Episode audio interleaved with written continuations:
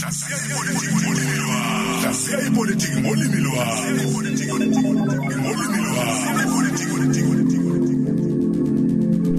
13 minutes to 8 kona umsakazo cause sihlaziya ipolitiki ngolimi lakho nonhlanhla mtaka. Unhlanhla mtaka eh, uyi political scientist ebomsunguli wengabadi group yakwazi ke ukuthi umlandele ku Twitter @nhlanhla mtaka yakwazi ukuthi eh, uthole kabanzi ngezihloko esuke siyibheka nembono yakhe nje yahlukahlukene ngezinto eziphathelene nezepolitiki. Mtaka sekubingelela sikwamukela abendlovu namandla enhla nasezansi siyabingelela dadist mtaka uma sibheka la abezindaba nendlela ekubikwa ngayo izinto ezahlukahlukene kuye kwaba khona into nje evelile ngesonto edlule eh, ngomhlangano phakathi kuka kuka- kwabaholi abathile. Okuthe mase kuvela kwathi umunye hayi cha mina bengesiwona umhlangano ngithi- ngizithuke ngihlangana nomuntu ngoba bengisendaweni singahlele kuhlangana kodwa sathuka sihlangana izinto lezi zishiya eh, thina njengabantu baseningizimu Afrika sigcina singasazi okuyikona nokungesikona ngoba okunye kuba mahebezi okunye kubikwe sengathi kwenzekile kodwa kube ukuthi mase kwenziwa uphenyo kube sengathi akwenzekanga. Kusho ukuthini konke lokho kuthini asiqale sivumelana ukuthi abe yindaba bayingqwele yethu thina zakhamisi empeleni ngaba siyitholanga inkululeko yethu. Ukube abe yindaba babengekho abantu abafana nomnumzane uPercy Khokoza abantu abafana nomnumzane uLatinakazi abantu abafana noClassy bonke labo bantu nosipho Khumalo nezinye indatheli eziningi ngizibale manje. Badlala indima enkulu noma bahlakula indima enkulu ekutheni sithole inkululeko. Ingakho njalo kufuneke sibabonge futhi sibavikele ekwenzeni kwabo umsebenzi. Kodwa sengikushilo lokho noma beyingqole yethu kufuneke bamukele nabo ukuthi nelengqwele liyopha amafuphi nabo bayawenza amaphutha. Isibonelo nje thina njengabantu abafunda amaphepha njengabantu abalayela imisakazo njengabantu ababuka eh ama television sidla lokhu abasinika khona. Kwenye inkathi sikudle kunjalo kanti kuliphutha. Wenza isibonelo ngomhlangano okuthiwa ube khona.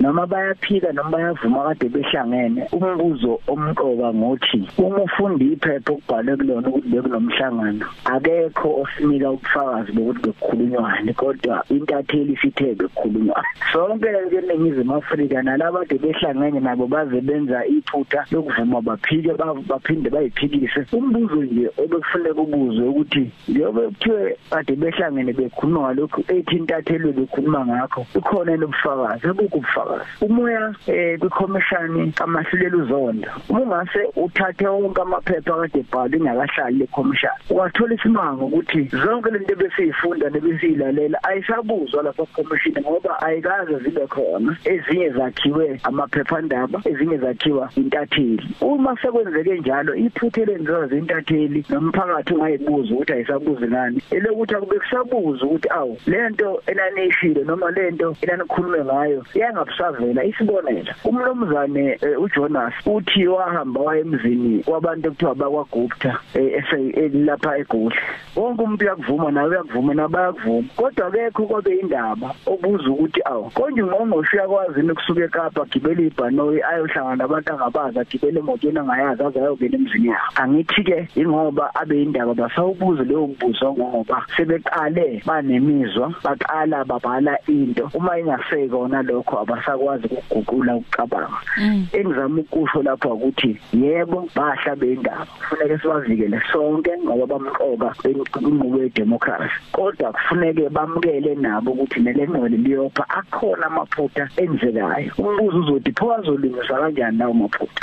Azolungisa ukuthi thina abantu esidlinda thina esifunda amaphephandaba thina sibuka ama television nesilalela imisakazo ake sifundise kakhulukazi abohlanga ake sifundise ukuyibuza lezi zinto ukuthi ungani wawuthela uma ukubiza umntaka lapho ukhozi kuthi akazohlaziya akabuza ukuthi konje mntaka njengoba kuthi uyahlaziya nazo incwadi. Bangena yini wena dadewethu udokotela ongenencwadi bese akukiphize into esiyenzeke eningizimu Afrika sekubhale nabantu abaveza imibono yabo kube ngazi ukuthi indaba kube ngazi ukuthi intatheli kanti abantu abaveza imizwa yabo. Sekukhona nabantu asebephenduka intatheli kusasa vuke sethi siyahlaziya kuna kunabantu nje lapha kade beyintatheli yonke leminyaka namhlanje sekuthiwa yibona sebehlaziya lapha ku television uma usubabuza ukuthi ngaliphi? Njengoba nje waye umuntu wendaba. Khona lapha endabeni wawunazo izitifiketi zokubhala cha bakhona lapha endabeni emaphepha endabeni dadewethu. Abangezona indaba abangaze baye esikoleni umtatile banekhono lokubhala. Bahle labo bantu asisho ukuthi bayabi kodwa inkinga eba khona ukuthi kuyenzeka kokunye bengasayilandeli inqubo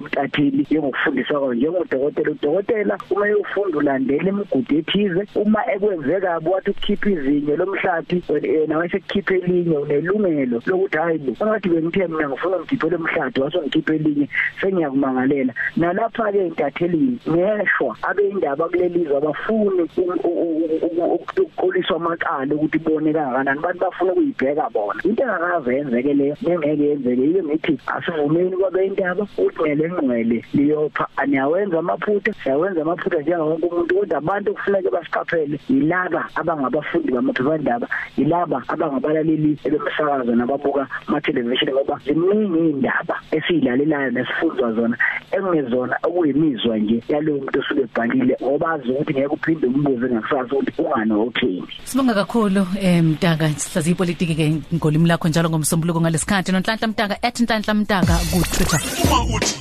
#VMBS ku Twitter.